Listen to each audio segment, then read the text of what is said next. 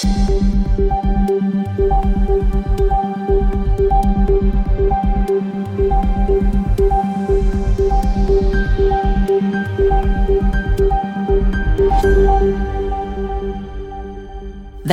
tilbake til Krimnytt, en podkast for deg som ønsker å følge med på aktuelle true crime-saker.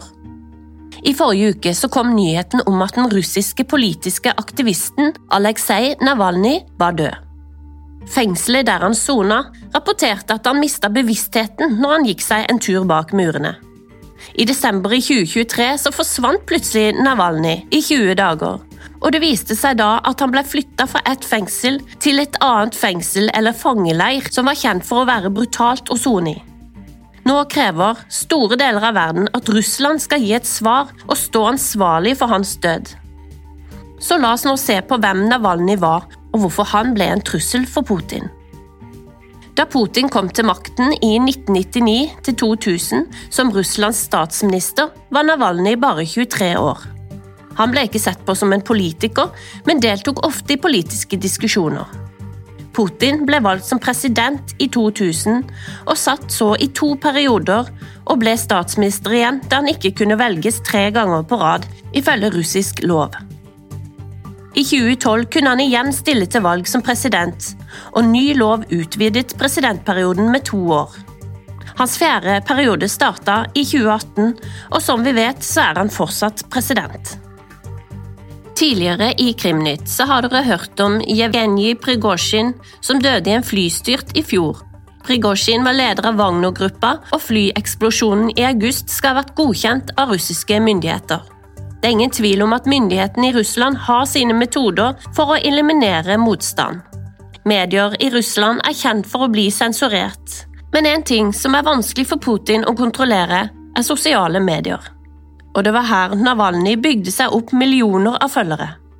Navalny, som egentlig jobba som advokat innen eiendom, starta med blogging og radio for å lange ut mot et korrupt Russland.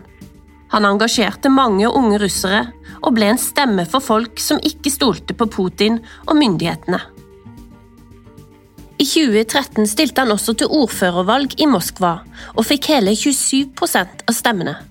Mulig det var da Putin skjønte at han kunne bli en stor trussel for han. Det skal sies at Navalny hadde også en kort periode fra 2007 til 2008 der han lagde filmer som var ren propaganda for nasjonalisme. Han var mot innvandring, og han lagde også en kontroversiell film som støtta våpensalg til privatpersoner. Personer rundt Navalny forklarer disse med at han var naiv og eksperimenterte med ulike politiske uttrykksformer. Ifølge dokumentaren Giftig maktkamp skal Navalny ha sagt at han ikke angrer, men at han heller ikke ønsker at folk skal ta dem seriøst. Han deltok også på denne tiden i en årlig russisk protestmarsj i Moskva, sammen med nynazister som viste tydelig fremmedhat. Selv om Navalny gikk bort fra slike filmer og meninger offentlig, var dette en mørk skygge som hang over han. Han klarte likevel å bygge seg og ryktet sitt opp igjen, og gjennom sosiale medier ble han kjent over landegrensene. Nå handla filmene til Navalny om korrupsjon i Russland, og i 2017 ble Navalny nekta å stille som presidentkandidat etter at en russisk domstol dømte han for svindel. Han organiserte da nasjonale protester som ville boikotte Putins gjenvalg. Samtidig etablerte han et etterforskningsteam fra hele landet for å granske russisk elite. I dommen ble Navalny dømt til å melde seg til russisk politi med jevne mellomrom noe som viste seg til å føre han til en dødsstraff. Men lite visste han om det da. 22. august i 2020 så skjer det noe som igjen får øynene retta mot Navalny og hans kone Julia, og ikke minst Putin og hans menn. Navalny gikk om bord i et fly fra Sibir til Moskva, og underveis blir Navalny plutselig alvorlig syk. Piloten valgte så å nødlande i Omsk i Sibir og kona Julia drar til Omsk for å snakke med legene og se sin bevisstløse mann. Hun blir nekta adgang, og Julia sier til pressen at hun ikke stoler på legene. De uttaler nemlig at ikke er funnet noe tegn på forgiftning.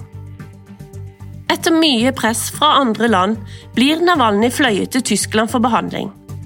Der finner de stoffet Novisjok. Novisjok er et kraftig nervotoksin utvikla i Sovjetunionen og Russland på 1980- og 90-tallet. Novosjok kan leveres som væske, pulver eller gass.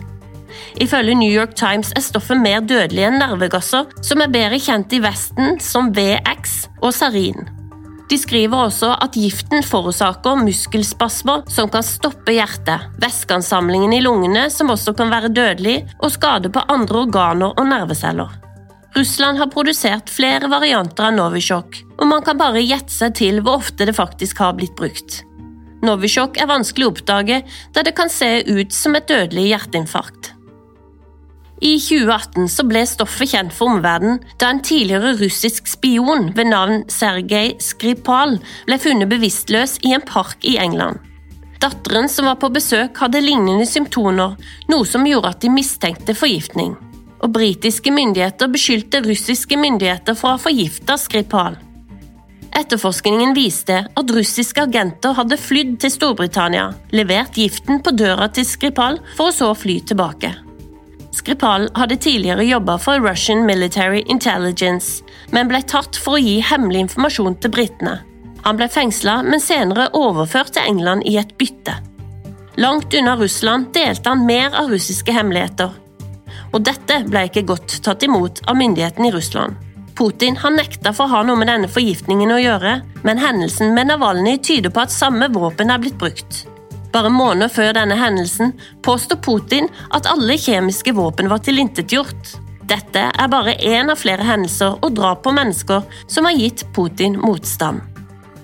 Mirakuløst så kommer Nivalny seg, og fem måneder etter flyturen begynner han å etterforske drapsforsøket på seg selv.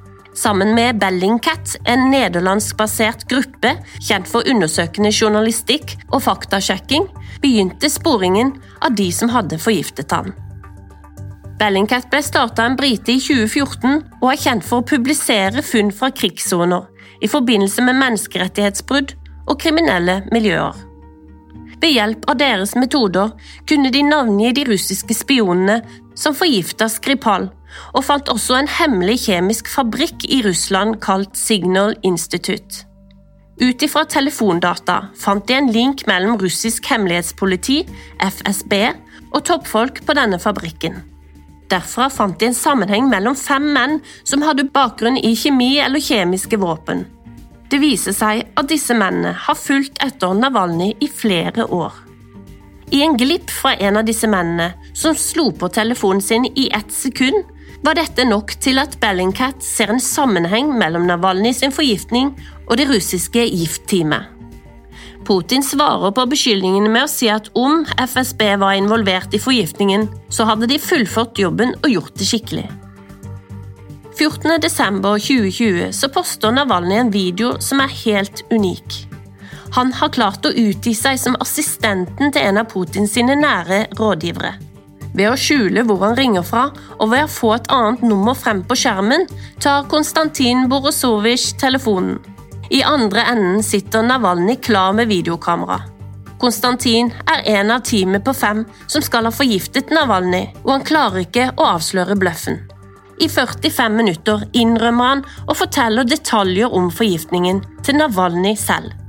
Han sier at de har putta giften i sømmene på underbuksa hans, og at Navalnyj hadde blitt drept om flyet ikke nødlanda. Nå blir Putin latterliggjort. Mannen som brukte truser for å drepe, og som mislykkes med å tie Navalnyj. Så bestemmer Navalnyj seg for å dra fra Tyskland og tilbake til Moskva. Noe som nå skal ha vist seg å ha blitt fatalt.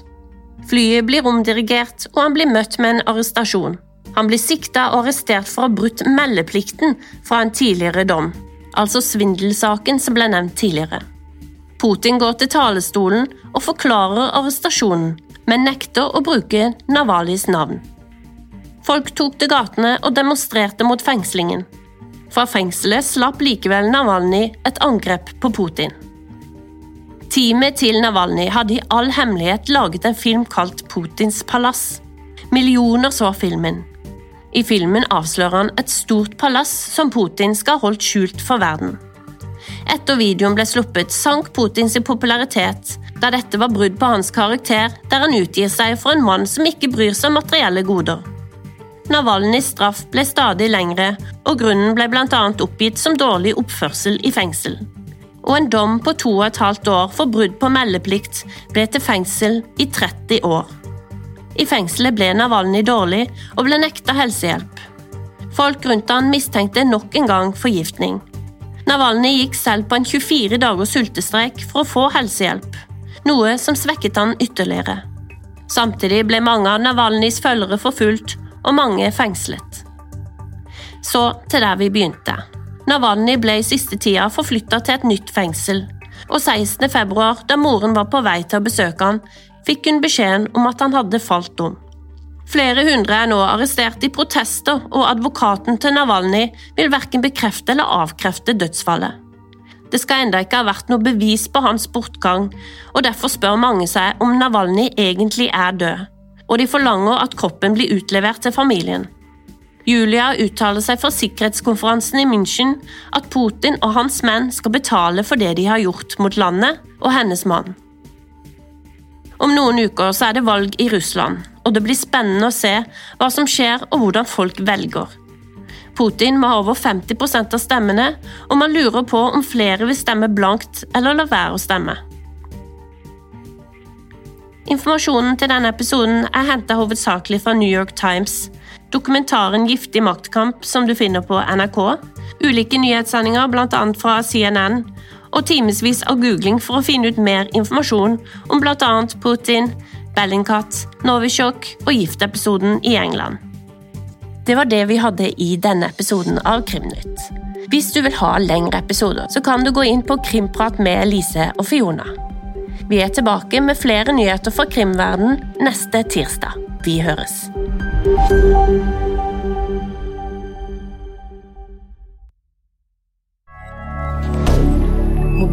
Media. Har du et enkeltpersonforetak eller en liten bedrift? Da er du sikkert lei av å høre meg snakke om hvor enkelt det er å sende faktura med fiken. Så vi gir oss her, fordi vi liker enkelt. Fiken superenkelt regnskap. Prøv gratis på fiken.no.